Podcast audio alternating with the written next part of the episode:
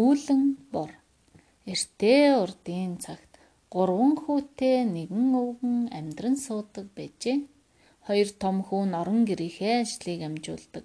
Овсгоотой сэргэлэн бол баг хүү Иван нь тэнэг юмсанж. Ойд явж мөөг түүх дуртай. Гэртээ байхдаа пишн дээрээ л хөвтөд үнждэг гин. Өвгөн нас эцэслэх болоход хөвгүүдээ дуудан Намайг өгсөний дараа гурван шин дараалан булшин дээр минь очиж талах авчилж өгөөрэй гэж захижээ. Тэгээд ч өвгөн насан эцэслэж хөвгүүд нь оршуулжээ. Эхний шүн болж булш руу явах том хүүгийн ээлж ирэв. Том хүү нэг бол залхуурч, нэг бол айсан уу ямар ч гэсэн явсангүй. Харин Иванд чи өнөө шин миний оронд эцгийн булшин дээр талах авчилж өгөөд ирээч би чамд боо үгэн шүү. Иван зөвшөөрч талх аван эцгийн булшин дээр очин хүлээн суув. Шүн дунд гинт газар хагран эцэг нь босч ирээд Хин нэрэ миний том хүү юу орос нутгаар сонин юу байна өлөн чон уйлалдаж өлсгөлэн ноход хуцаж өөр хүүхэд минь уйлж байна уу гэж асуухад таны хүү байна орос нутаг амар тайван байна эцэг минь гэж Иван хариулв. Эцэг талах цадатлаа идээд булшинда эргэн хэвтэв. Иван замдаа баахан мөг түүгээд гэртээ харихад том ах нь аав байна уу байна талах идүү эцэн цадатлаа идсэн хоёр дахь шүн болов. Дунд хүүгийн явах ээлж болоход тэр залхуурсан ч юм уу, айсан ч юм уу, ямар ч л гэсэн явсангүй. Харин Иванд Чи миний оронд эцэг дээр очиод ирээч би чамд сайхан шүлжиж өгнө шүү. Иван зөвшөөрч талх аван эцгийн булшин дээр очиж хүлээн суулаа. Шүн дунд гинт газар хагран эцэг нь босч ирээд асуув. Хин нэрээ миний дунд хүү юу? Уулс нутгаас сүнэн юу байна? Өлөн чон нүлэлдэж өлсгөлөн ноход хуцаж байна уу? Хүүхэд минь уйлж байна уу? Таны хүү байна. Уулс нутаг амар тайван байна. Эцэг минь Эцэг нь талах цадатлаа идээд булшиндаа эргэж хөвтлээ. Иван харих замдаа баахан мөг түүгээд гэртээ ирэхэд дунд ах нь эцэг талах идвүү? Эцсийн цадатлаа идсэн. Гурав дахь шүн болов. Иван ах нартаа Одоо та хоёр эцгийн булшин дээр оч. Би амармаар байна. Би хоёр шүн дараалан явсан. харин хоёр ах нь Иван чи юу яриа вэ? Чи явж сусан. Чи л явсан дээр гэд бүр огт талгаасангүй. Иван талхаа аваад л явлаа. Шүн дунд газар хагран эцэг нь босч ирээд хин ирээ миний баг Ваня юу орос нутгаар сонин юу байна? Улан чон уйлалтаж өсгөлөн ноход хоцож өөр хүүхэд минь уйлж байна уу? Миний хүү Иван энд байна. Орос нутаг амар амгалан эцэг минь.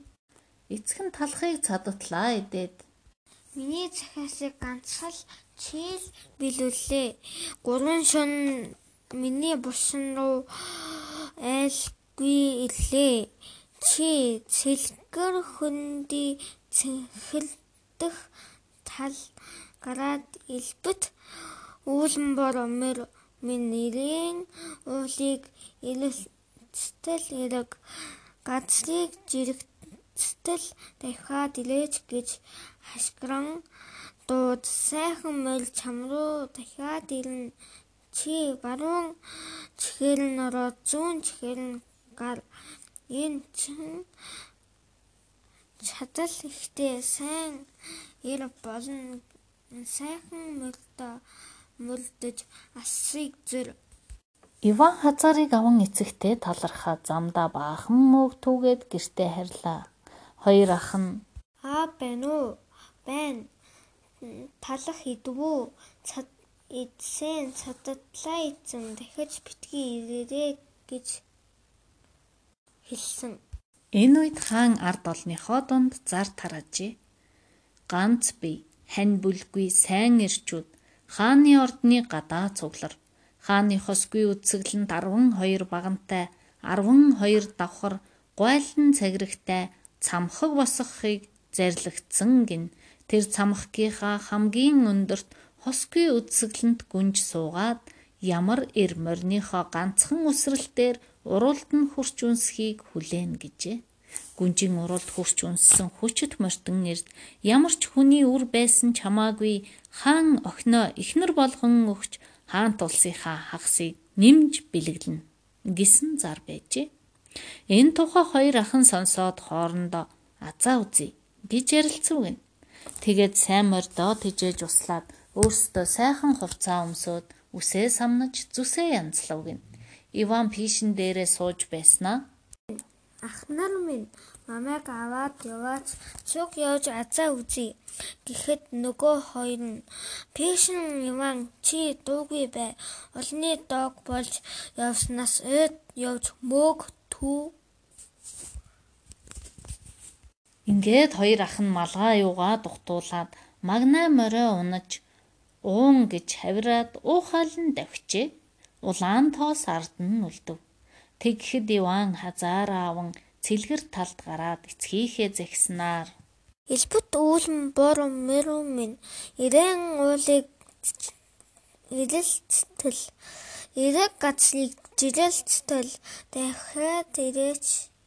Гэтэл газар дэлхий чичиргэн нэгэн морь давхин ирсэн нь хамрынхан нүхнээс дүл дүрлцэн чихнээс нь утаа олгоод нэгэн морь газар хадагдах мэт зоог тусаад тушаах тун гэлээ.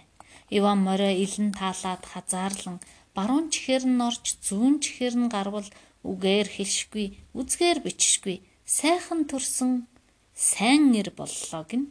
Тэгээд мориндоо мордон хааны ордон руу давхижээ. Үүлэн бор морин нисэх мэт давхихад газар дэлхий чичрэн уул толгод дурсан ханарч ургаа хад хөвтэй хожвол дөрвөн туурайн хоорон дуран жирэлцэн өнгөрнө гин. Иваныг хааны ордны гадаа ирэхэд үе олон хүн үймэлтэн цугларсан байв. 12 багантай 12 давхар гуйлан цагирагтай цамхгийнхаа хамгийн өндөр орой дээр үдсгэлэнт гүнж сууж байв гэн. Хаан үүдэн дээрээ гарan За, эрхэм сайн ирчүүдээ. Та нарын хин нь морныхоо хараалтаар тэр цонх хүртэл өсөрч охины минь уруулыг үнсэх вэ? Тэр эрд би охиноо хаан тулсынхаа хагсыг өгнө гэлээ. Сайн ирчүүд ээлжлэн давхиж үзлээ. Цамхгийн орой хурш би өндөр аж. Иваны хоёр ах хараагаад цамхгийн дунд нь ч хүрсэнгүй. Иваны ээлж ирлээ. Иван үүлэн бормороо гуйдан Уухай хийн ухсхийн өсрвөл хоёрхан цагираг дутлаа. Дахин цойлж ахаад нэг өсөрсөн чинь ганцхан цагираг дутав гин. Гурав дахь удаага цойлон үлэн бормороо тас хийтэл гуйдан үүлэн тултал өсөрч өндөр цонхонд хурж хосгүй үсгэлэнт гүнжийн балын амтат дуруулыг шүргэн үнсгэд гүнж живаны духан дээр бөгжөөрөө хурч тэмдэг тавьж амжив гинэ. Олон түмэн шуугалдан Эрэлхөө гэрийг бариад ав, бариад ав. Ингэж шуугалдах зур эрэлхэг эр харин бараа сураггүй дахин одов. Иван цэлгэр тал давхиж ирээд үлэн борынхоо зүүн чихээр орж баруун чихээр гараад дахиад л тэнийг Иван болон хувирчээ. Тэгэд морио суллан тавиад замда баахан мөөг түүгээд гэртээ ирж тухайн алчуураар боогоод пишин дээрээ гарч хөвтжээ. Хоёр ах нь буцаж ирээд хаана байсан юу үзснээ ярив гин. Сайхан төлсөн сайн элчүүд цугалсан да. Гэхдээ нэг онцгой сайн нэр мөрөө өсрөн гүнжийг э, үнсэж чадсан хаанаас ирснийг нь цөм халсан харин хаашаа явсныг нь хэн ч мэдэхгүй хоцроолоо Тэлчин би байсан юм шүү. За тэнэг минь дууга тат пишин дээрээ мөөгөө идэж суу. Гүнжийн бөгжөрөг хурч тэмдэг тавьсан духныхаа боолтыг Иван автал гэр дүүрэн гэрэл туяа цацрав. Хоёр ах нь айн. Тэнэг минь чи юу хийж байна? Гэр орноос таах нь химэн хашгирлаа.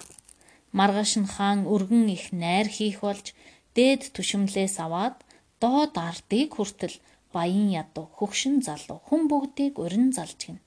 Иваны хоёр ах найранд явхаар бэлтгэхэд Иван Би цуг явъя. Тэнийг минь олонний инээдэм болсноос орон гэлтэй суугаад олсон мөөгөө идэж байг.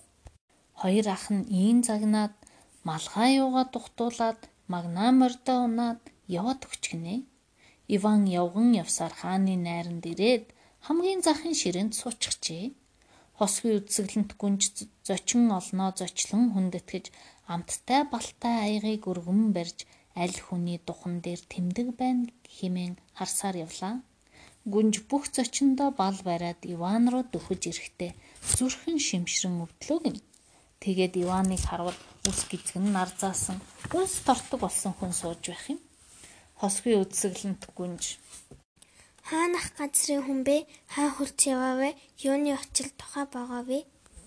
Зөгчгсөн юм аа. гүнж духных нь боолтыг тайлваас ордон дүүрэн гэрэл туяа гэлбэн цацрав гин. Энэ миний тэмдэг байна. Энэ миний заяаны хань байна. Хаан ойртон ирж Юуны чин заяаны хань үнс толдог болсон амар амтан байх чинь нүүр гараа угаагаад ирэх зөвшөөрнө үү? хаан зөвшөөрчээ. Иван гадаа гараад эцгийнхээ зааснаар Элбэт уулан бор морим минь эрээн уулыг эрэлцтэл эрэг газрыг зэрэлцтэл давхаад ирээч. гэж дуудтал хамрынхан нүхнээс дүл дүрлцсэн чихнээс нь утаа олгоцсон нэгэн морь тэнгэрээс унсан мэт давхиж ирэхэд газар дэлхий ганхан чичрэг гин. Иван морныхоо баруун чихээр ороод зүүн чихээр гарч тааж хэлж баршгүй, тайлж зурж баршгүй, сайхан төрсөн сайн эр болон хувирлаагийн шүү. Үе олон ард үймэлдэн гайхав гин үг дугарч чадалгүй уулгалан суув гинэ. Хүлгүй их найрыг хөгжилтэй хурим залгаж гин сонин үлгэр ингээд төгслөө сонссон хүнд гялалаа.